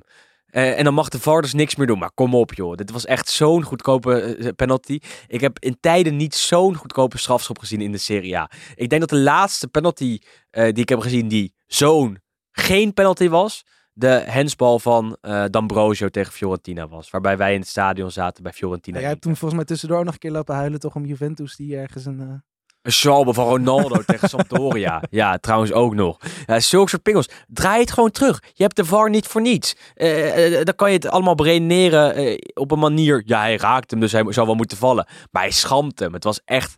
Het Ja, was zo sowieso dat niks. het, dat het geen kwaad kan. Maar goed, ja, dat, dat is misschien ook een beetje onze manier van denken. Dat gewoon sowieso is het, kan het geen kwaad om bij beslissingen waarop je sowieso op de VAR moet wachten. Om sowieso ook gewoon even te kijken naar dat. Ze willen, ze willen niet een moviola op het veld. Een moviola is, is Italiaans voor slow motion. Voor alles uitdiepen en kijken eh, hoe het wel had moeten zijn. En hoe je wel een goede beslissing maakt. Ze willen dat de wedstrijd doorgaat in de flow waarin die zit. Maar nu is het moment waarop Fiorentina al heeft gewonnen. En Genoa een doelpunt kan scoren. En het maakt niet uit. Maar stel dat gebeurt straks bij stand van 0-1. Dan word je helemaal gek. Dan, eh, dan zou ik echt, eh, als ik Fiorentina-fan was... eh, door het dak gaan en, en, en, en, en, de tv uit het raam gooien. Maar Fiorentina ook genoeg bevoordeeld door de scheidsrechters de afgelopen jaren. Salernitana 0-1 Atalanta. Ik werkte en ik zei daar tegen iedereen. Ja, dit kan wel eens eh 0-5 worden, 0-6. Maar Salernitana was wel. opvallend goed, eigenlijk. Echt heel goed. Het was, het was niet. Kijk, en het- het- nog steeds is dat natuurlijk wel het grote manco dat daar gek genoeg geen, niemand staat die een doelpunt weet te maken voor je gevoel. Ondanks dat er natuurlijk wel een paar spelers staan met een heel, heel goed track record. Natuurlijk Ribéry, veel gescoord natuurlijk in zijn carrière. En ook Simi vorig seizoen een van de beste, ja, een van de topscorers van de Serie A met Crotone toen. Maar voor je gevoel zit er niet iemand in die zegt ik ga even nu een doelpunt maken. Maar, ehm, Maar ze speelden wel ja. goed. En uiteindelijk denk ik ook, wat we, het was vorige week volgens mij zagen met eh Spezia, ook als een van de minder ervaren ploegen, dat je dan tegen een iets meer ervaren ploeg, toen tegen Udinese, dan in de laatste minuut alsnog een tegendoelpunt krijgt. Maar ik vond het wel mooi dat, dat de trainer van Salernitana, Castori, een, een opvliegende man is dat met een bodywarmertje aan. En die loopt met zijn, met zijn nek op zijn, op zijn borst, pakt hij. ziet er een beetje uit als die, als die met zijn hoofd als op de bondscoach van Uruguay. Alleen dan Ja. zonder stok en zonder stoeltje. En zonder nek. En volgens mij heeft hij ook geen nek, toch? Nee, ja, ja, nee, nee heeft hij ja, ook geen nek? dit is, dat is een iets, iets eh, normaler uitziende man. Die. Castori van Salernitana is echt, echt een, eh, eh, ja, een, opvlieger. Moet je maar even opzoeken. Ehm, maar die, die trainer besloot om in een 3-4-1-2 te spelen in plaats van een normale 3-5-2. Eh, omdat hij per se plek wilde inruimen voor Ribéry. Eh, zodat Ribéry overal kon lopen waar hij maar wilde lopen. En dat vind ik wel een mooie rol. Want je zag dat Ribéry gewoon nog steeds de klasse heeft. Ook al is hij inmiddels 38. ehm 38 toch, dacht ik. Dat hij toch overal opdook. En, en, en, en nog steeds de, de finesse en intelligentie had om, eh, om overal op te duiken.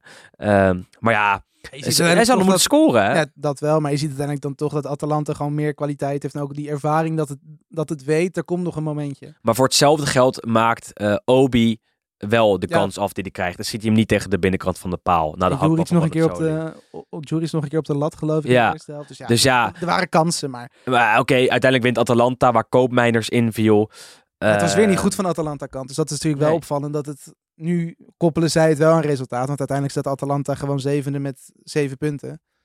Ja, ja, ja, precies. Dus, dus ja, dat, dat, zoals ik altijd zeg, de ranglijst vertelt niet het hele verhaal. Nee, dat is zo. Maar dit, dit is wel, ze winnen wel. Dus uiteindelijk vergeten we die, die, die, eh, die wedstrijd van Salernitana. Want die verliezen weer, hebben nul punten. Ondanks de fantastische fans ook trouwens. Want het, eh, de sfeer in het Areki was echt, eh, was echt genieten. Waarbij de harde kern wel op de eerste rang lijkt te zitten. En dat is bij heel weinig Italiaanse clubs zo. Eh, en de sfeer werd goed in beeld gebracht. Want ze schakelden telkens naar de fans. En telkens naar de harde kern die ja, het, het- team bijna naar gelijkspel of overwinning tegen Atalanta schreeuwde. Dat lukte niet. Zondag half 1, Empoli Sampdoria 0-3. Il grande ex. Ciccio Caputo deed eh, Empoli de das om. Want eh, hij scoorde twee keer. 0-1, 0-2. Echte spitse goals. En een 0-3 kwam uiteindelijk van Antonino Candreva. Die eh, de bal mooi in de hoek krulde. Eh verdiende overwinning voor Samp. Dat eh, ja, zakelijk aan het seizoen is begonnen. uiteindelijk toch zijn punten bij elkaar aan het rapen is. En zulke soort potjes lijkt te kunnen gaan winnen. Want ze hebben echt wel wat, kwa- wat kwaliteit daar rondlopen. Iataren zat nog niet bij de selectie. Wordt nog niet fit bevonden. Eh, Wat else is nieuw? ja, nee, maar, ja, Ja, maar het is lullig voor hem, maar goed, ja. hij heeft nog geen voorseizoen gedaan nee. ook. Dus dan moet hij, hij, hij zal wel in oktober pas gaan spelen, denk ik eerlijk gezegd. Ehm Venetia Spezia 1-2. Pijnlijk. Het, was, het, was, het zou een mooie dag geweest moeten zijn. vanwege het feit dat eh, voor het eerst ehm, sinds 2000, oh, nou weet ik het uit mijn hoofd niet eens meer. 2001, In jaren, 2002, in ja. jaren eh, mochten ze dus weer terug. Bijna eh, 20 jaar. Dat, in dat, altijd Penso van. in het eigen stadion. Ze hebben dat binnen 100 dagen hebben ze iets van 4.500 stoeltjes bijgebouwd. Om dan te voldoen aan de eisen en ook allemaal andere hospitality eh, voorzieningen, perstribune, kleedkamers allemaal.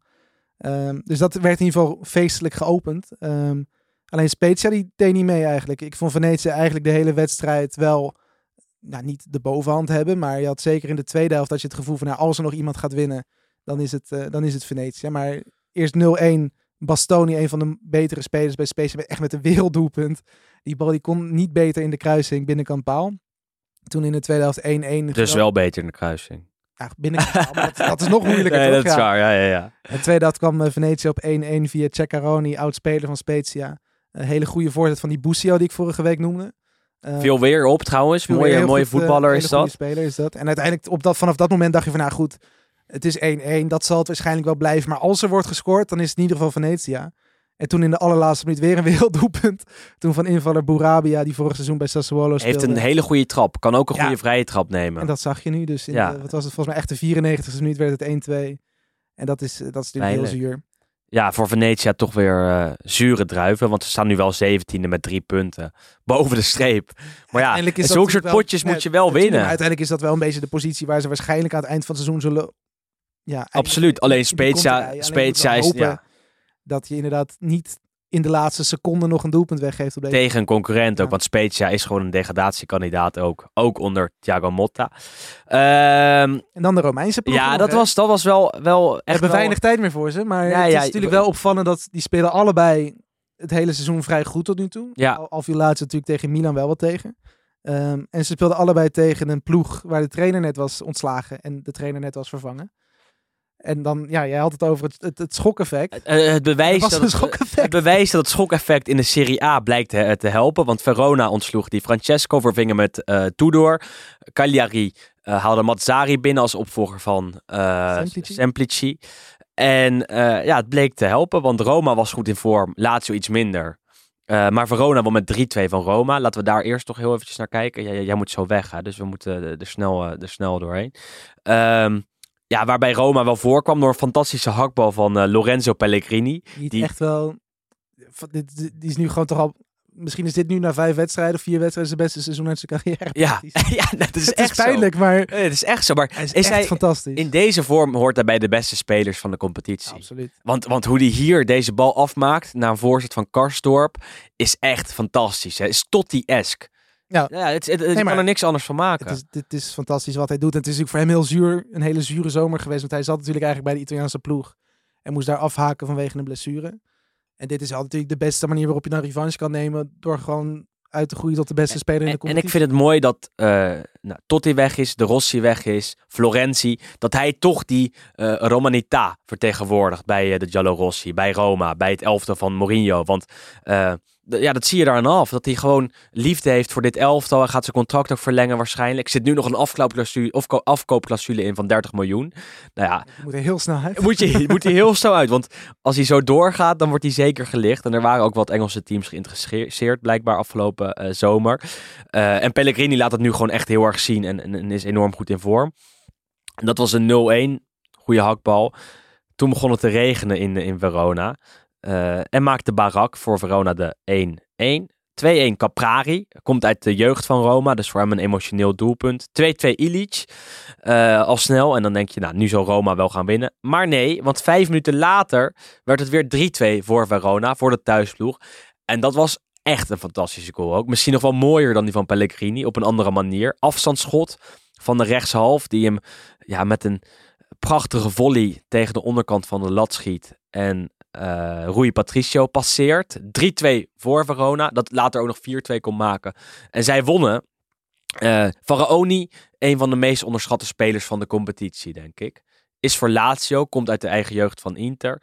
Dus voor hem ook een mooie goal om dan de winnen te maken tegen, tegen Roma. Als, eh, als Lazio een hele fijne speler. Hij is, hij is, tenminste, ik ben hem heel dankbaar. Want hij heeft ervoor gezorgd dat Juve in de Champions League Oh ja, ja, Hij ja. maakte vorig seizoen in de laatste wedstrijd tegen Napoli de gelijkmaker. Eh, waardoor Napoli inderdaad uiteindelijk dan in de Europa League terecht kwam en Juve op de ja, laatste minuten van de wedstrijd, op, van, die, ja, van de laatste speeldag eigenlijk de Champions League nog inwipte. Maar dat is wel echt een hele fijne speler. En, en het is misschien niet de grootste naam. En hij heeft volgens mij voor mij nog niet bij de Italiaanse ploeg gezeten. In ieder geval niet Dacht het gespeeld. niet, nee. Volgens mij wel een paar keer bij de Zo'n selectie. stage heeft hij wel, eh, wel gedaan, geloof ik. Het is wel echt een speler die denk ik ook voor grotere ploegen van, van grote waarde kan zijn. Ik heb volgens mij, wanneer was het, twee jaar geleden? Toen hebben we een keer een soort van, eh, wat onze ploegen moesten gaan halen als wij daar technisch directeur Oh ja, waren, geloof ja. ik. En ik had hem toen inderdaad ook op het lijstje gezet bij Juventus van, het, het is een niet al te dure speler die wel veel kan brengen, denk ik. Hij is aanvoerder ook van Verona. En- dit seizoen wel, ja. Ja, dit seizoen wel. En hij, hij laat het wel eh, echt zien. En, en vorig jaar ook al. En, en over spelers eh, gesproken die constant een 6,5 halen. Of misschien wel hoger. Dan hoort Faraoni daar absoluut bij. En ja, deze goal komt dan niet uit het niets. Want eh, hij heeft ze vaker zo gemaakt. Eh, werd ook met Lazio in verband gebracht eh, afgelopen jaren. Dus wat mij betreft zou dat wel een prachtige transfer zijn. Alleen heeft hij nu de pech dat Sarri daar zit. Dat ze al eh, genoeg rechtsbacks hebben. En Faraoni vooral een rechtshalf is. Dus dat zal er vast niet meer van gaan komen de komende periode. Roma verloor. Mourinho werd wel weer toegezongen door de Curva Soet, die eh, daar aanwezig was, door de fans van, eh, van Roma. Eh, dus echte paniek in de tent is er daar nog niet. Jammer dat je verliest bij Verona in het Bentegodi. Is het wel. Nou. Toch? Ja, dat is, dat is toch weer een, een kleine klap. En ja, wij hebben zo vorige week naar de Scudetto gepraat. Nou, die, daar nemen we even een pas op de Ja, plaats. maar goed, kijk, ik denk zo. Geloof ons niet. Geloof ons. Luister niet naar ons. Nee, maar het is denk ik sowieso. Want Dat is ook een van de dingen die eigenlijk heel veel trainers nu volgens mij dit seizoen hebben aangestipt op de persconferenties. Van het, er is geen uitgesproken favoriet. Wat ook tot gevolg heeft dat iedere ploeg ergens punten gaat verspelen. En ook op een lullige manier zoals nu. Waardoor Juve nog terug kan komen. Hè? Want iedereen gaat punten verspelen. Dus eh, nou, dat zag je nu tegen, eh, bij, bij Roma tegen Verona. Eh, En bij al- Lazio ja, tegen ja, Cagliari. want die kwamen dus nog wel op voorsprong net voor rust. Giro Immobile. En toen, nou, wat was het? 20 seconden na rust was het 1-1 door Mooi, eh, vind, vind- dat vind ik de mooiste goal van het weekend. We hadden het net over mooie doelpunten. Maar dit was een assistje van eh Ras van Marien. Oud Ajaxiet. Oud eh standaard, standaard Luik-speler. Mag ik standaard Luik zeggen of standaard? Ja, toch? Standaard Standaard- Liège maar- is de ja, officiële clubnaam. standaard Luik mag je ook gewoon zeggen. Dat want je mag de- de Inter Milan mag je niet zeggen. Dat. Ja, precies. Nou, standaard Luik, want we zijn hier vooral voor de Vlamingen en niet voor de, Oh, oui. voor de Frans sprekenden. Eh Walloniërs. Nou ja, we zijn hier voor iedereen trouwens die wil luisteren. Maar goed, assistje van Marien op eh João Pedro. João Miravilhão. Met een goal meraviglioso. Want hij stift hem als het ware met eh, zijn hoofd over Lazio, of, eh, over Lazio Reina. Was echt, echt een heerlijke goal. Van. Ik, ik hou zo van stiftjes. Die, die zijn uitgestorven. en een stiftje met het hoofd is dan nog mooier. Dus dat was echt een doelpunt om je vingers bij af te likken. Om dat op die is manier te mogen zeggen. stiftje. Denk ik. Nee, stip, lopje zet je je voet onder de bal. En, Dat is, voor mijn gevoel is dat meer een stiftje. Volgens mij, ik vind een Nee, nee, lopje vind ik meer een soort bo- een boogje. Ik vind een stiftje vind ik wel iets wat je alleen maar met je voeten kan doen. Maar goed. nou ja, ja, ik vond het wel een stift eigenlijk. Want zo'n lopje is toch, is toch dat je je voet eronder zet en hem lepelt. En dit was meer een Ja, dat, nou, nee. oh, zo'n kopballetje. Maar goed, Onze termen lopen door elkaar. nee, zeker, dat maakt helemaal niks uit. Nog Hier, een eh, ga je weer mieren neuken, Wes. Ja. Vervolgens 1-2 door eh Keita Balde. Goal d'Alex. Exact. eh goede, goede goal in de korte hoek. Bleef rustig, wat, wat hij eigenlijk nooit blijft. Maar nu wel in het Olympico. En uiteindelijk maakte Danilo Cataldi alsnog de 2-2 voor Lazio. Ook weer een mooie goal. Ehm, en die, die, die stak hem als het ware tegen de onderkant van de lat in. Van randje 16. Onderkant lat erin. Hoopte Lazio nog om te winnen. En dat lukte niet. Ehm, en daar zijn er toch wel wat probleempjes. Want ze verloren vorige week van Milan. Kansloos. Midweeks van Galatasaray. En nu ook nog eens thuis punten verspeeld tegen het Cagliari van Valterone Mazzari. Eh, 2-2. En dan gaan we nu nog naar de column van eh Juriaan Wes. Want eh, Laten we dat doen. die eh, diept één prachtige club uit. Waar heel veel talenten vandaan komen. Heel veel mooie spelers. En ook heel veel goede trainers. En dat legt Jur uit. Vanuit Monaco. Over Empoli.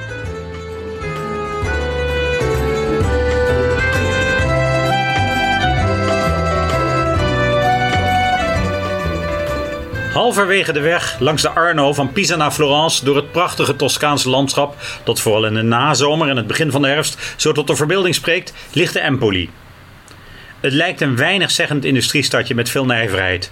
Het heeft in ieder geval weinig te bieden in cultureel opzicht vergeleken met omliggende steden als Pisa, Pistoia, Prato, Siena, San Gimignano en natuurlijk Florence.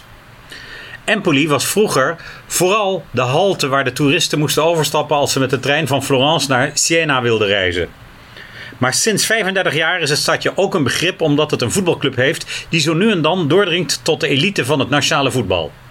Dat blijft opvallend voor een stadje met minder dan 50.000 inwoners.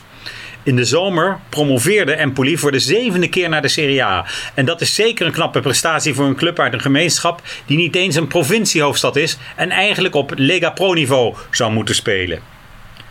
Empoli maakt nu voor de veertiende keer deel uit van de hoogste klasse van het Italiaanse voetbal. En valt eigenlijk niet meer weg te denken uit het Italiaanse profvoetbal. Je hebt eendagsvliegen die ook wel weer snel verdwijnen, zoals Carpi of Treviso. En je hebt ook clubs die als ze eenmaal iets hebben bereikt, zich kunnen handhaven op het hoogste niveau. Het beste voorbeeld in de huidige competitie is Sassuolo. Maar dat is toch een ander verhaal. Empoli is toch meer een club als Cesena, die eens in de zoveel tijd op het hoogste niveau opduikt.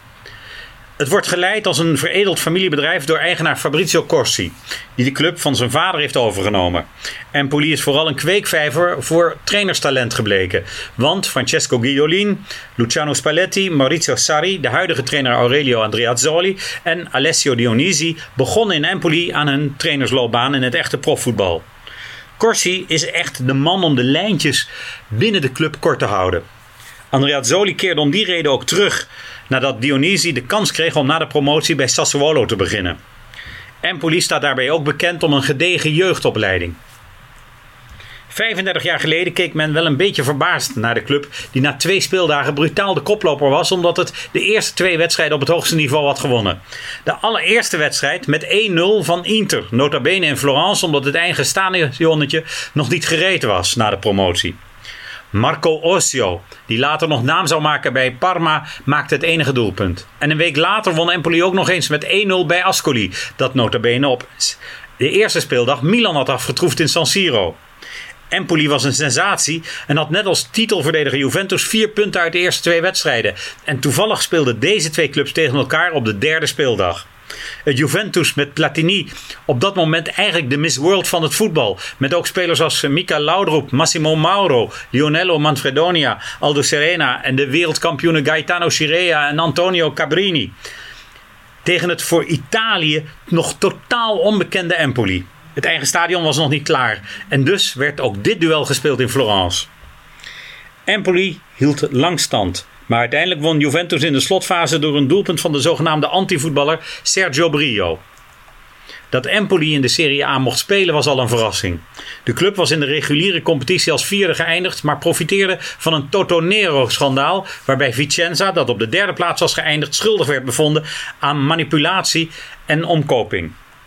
Opvallend genoeg was Empoli zelf ook betrokken bij die kwestie, maar uiteindelijk kreeg het toch toestemming om te promoveren, omdat er nog geen goed bewijs was gevonden tegen de club. En Empoli wist zich te handhaven in het eerste seizoen, maar bleek toch schuldig en begon het nieuwe seizoen in de Serie A met een aftrek van vijf punten. Dat was te veel van het goede en dus kwam er in 1988 een einde aan het verblijf van de provincieclub in de Serie A. En toen dacht men nog dat het bij die ene keer zou blijven, maar dat is inmiddels gelogen gestraft.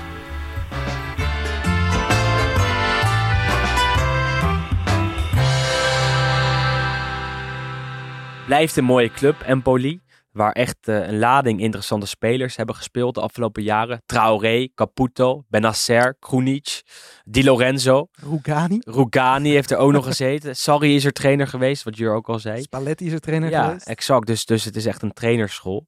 Ehm, zij nemen het aankomende woensdag, morgen al, op tegen Cagliari. Het Cagliari van uh, Mazzari, die daar dus is eh, teruggekeerd. Want we hebben een midweekse speelronde. Vanavond al wat potjes. Bologna-Genoa. De Rosso Blu tegen de Rosso Blu. Atalanta tegen Sassuolo. En Fiorentina-Inter om kwart voor negen. Dat is wel gelijk een paar mooie wedstrijden natuurlijk. Atalanta, Ja. Sassuolo. Normaal gesproken de twee leukst voetballende ploegen Absoluut. van de Serie A. Waarbij het bij Atalanta nog niet loopt. En bij Sassuolo heel wisselvallig is. Even wel- Fiorentina, Inter. Ook Zou je hem aanraden? Ik zou Atalanta, Sassuolo wel aanraden om, om te kijken, normaal gesproken. Maar niet als het tegelijkertijd is met Fiorentina Inter. Ik zet gewoon lekker twee. eh, twee Ja, dat is netjes. Ja, ja, ja. En Fiorentina Inter is natuurlijk ook gewoon een hele mooie pot. Waar, waarbij, we, zoals we hadden gezegd, Fiorentina eindelijk de goede trainer te hebben gevonden. Ehm, en ook gewoon goed aan het seizoen zijn gestart. En hetzelfde geldt voor Inter. Meestal een hele spectaculaire wedstrijd tussen deze twee teams. Zeker het in geen 0-0. Academia Dat Franchi. zou je Het, zien, het wordt geen 0-0, maar het, is het afgelopen jaar een keer 5-4 geworden. En 3 eh, 3-3 en, en, en een doelpunt in de laatste seconde. De, de 1-1 van Vlaovic kan ik me nog herinneren. En ook nog een doelpuntje van, van verre toe. Die penalty voor de 3-3, ja. Ja, nou goed. Eh, En woensdag mag Door. Spezia proberen om de Juve-crisis echt de, de Juve-crisis te, te maken. Ja, want dat is eh, een wedstrijd om half zeven. Waarbij eh, Juve daar op bezoek gaat. Nou, dat... dat eh, Zou moeten eh, vorig jaar won... eh, Spezia won daar van Milan vorig jaar. Niet van Juve. En tegelijkertijd is Salernitana Verona. Ik kan begrijpen dat daar iets minder mensen op inschakelen. Maar goed, De twee ploegen met het lelijkste stadion van de Serie A. Of eigenlijk het lelijkste, mooiste stadion. en s'avonds Cagliari Empoli en Milan tegen Venetia. Milan-Venetia is voor jou weer leuk, denk Zeker. ik. Venetia op bezoek in San Siro. Dat is eh, toch redelijk historisch. En absoluut een mooi affiche. Zal Milan wel winnen, maar dat gaan we zien. En donderdag sluiten we dan deze speelronde af. Speelronde 5 met Sampdoria, Napoli en Torino, Lazio en Roma Udinese. Dus dat is Alle drie ook leuke potjes. Zeker gewoon Sam- leuk. Zo lekker Ja. door de week ook voetbal. Ik heb daar zin in, ja. Maar dat eh, betekent wel dat wij echt moeten aanpoten. Hè? Want je eh, volgende week weer twee speelrondes 30 en kijk. door en door. Coaches hebben het vaak, het is moeilijk om drie wedstrijden in de week te spelen. Wij moeten gewoon 30 wedstrijden in de week. Dat Dus is kijken. ja, exact. Nog moeilijker. Bijna, bijna niet te doen. in het Eh, weekend gaan we gewoon weer door. Een Ja, paar grote wedstrijden daar. Inter-Atalanta. Zeker leuk. zes uur. Dat is zaterdagavond 6 uur. Eh, op zondag, en dat is ook misschien wel de leukste, dit, tenminste een van de mooiste aan dit prille seizoen. Ook om 6 uur. Lazio tegen Roma. Ja, daar heb ik zin in. Dat is wel een... Eh, Sorry tegen Mourinho. Dat, dat is echt een affiche wat je neer kan zetten als, als, als echt weer een echte lekkere Romeinse derby. Dat is echt eh, heel veel zin in. heel veel rivaliteit, heel veel nieuwe verhalen, heel veel eh goede spelers toch ook. Ehm, het is jammer, want het is nog lang niet uitverkocht. Ehm, terwijl er vanaf oktober weer 80% fans aanwezig mogen zijn in de, in de supporters. De stadions mogen voor 80% gevuld zijn. Dat is voor deze wedstrijd nog niet zo. Maar zelfs die 50% halen ze niet. Dus dat is toch jammer. Maar absoluut een, een wedstrijd om naar te gaan kijken. Eh, en, en Juve tegen Samp. Ja, eh, wat lekkere potjes. Spezia Milan. Ehm, ja, de meeste luisteraarsvragen hebben we al verwerkt in de podcast. Als jij er één kiest of twee kiest van Twitter, doe ik er eh, één of twee van Instagram. En dan zijn we rond, Wes. En dan zijn we zeker. Dan is deze boxwedstrijd, die uiteindelijk wel meeviel, moet ik heel eerlijk zeggen, toch weer voorbij. Maar kies jij maar eerst. Even kijken hoor. Of zou ik eerst gaan? Ja, als je er al eentje hebt. Eh, heeft de licht nog toekomst in Turijn? Ja, sowieso. Ja, maar ook gewoon het feit, kijk, wat we nu net aan het begin natuurlijk hebben gezegd.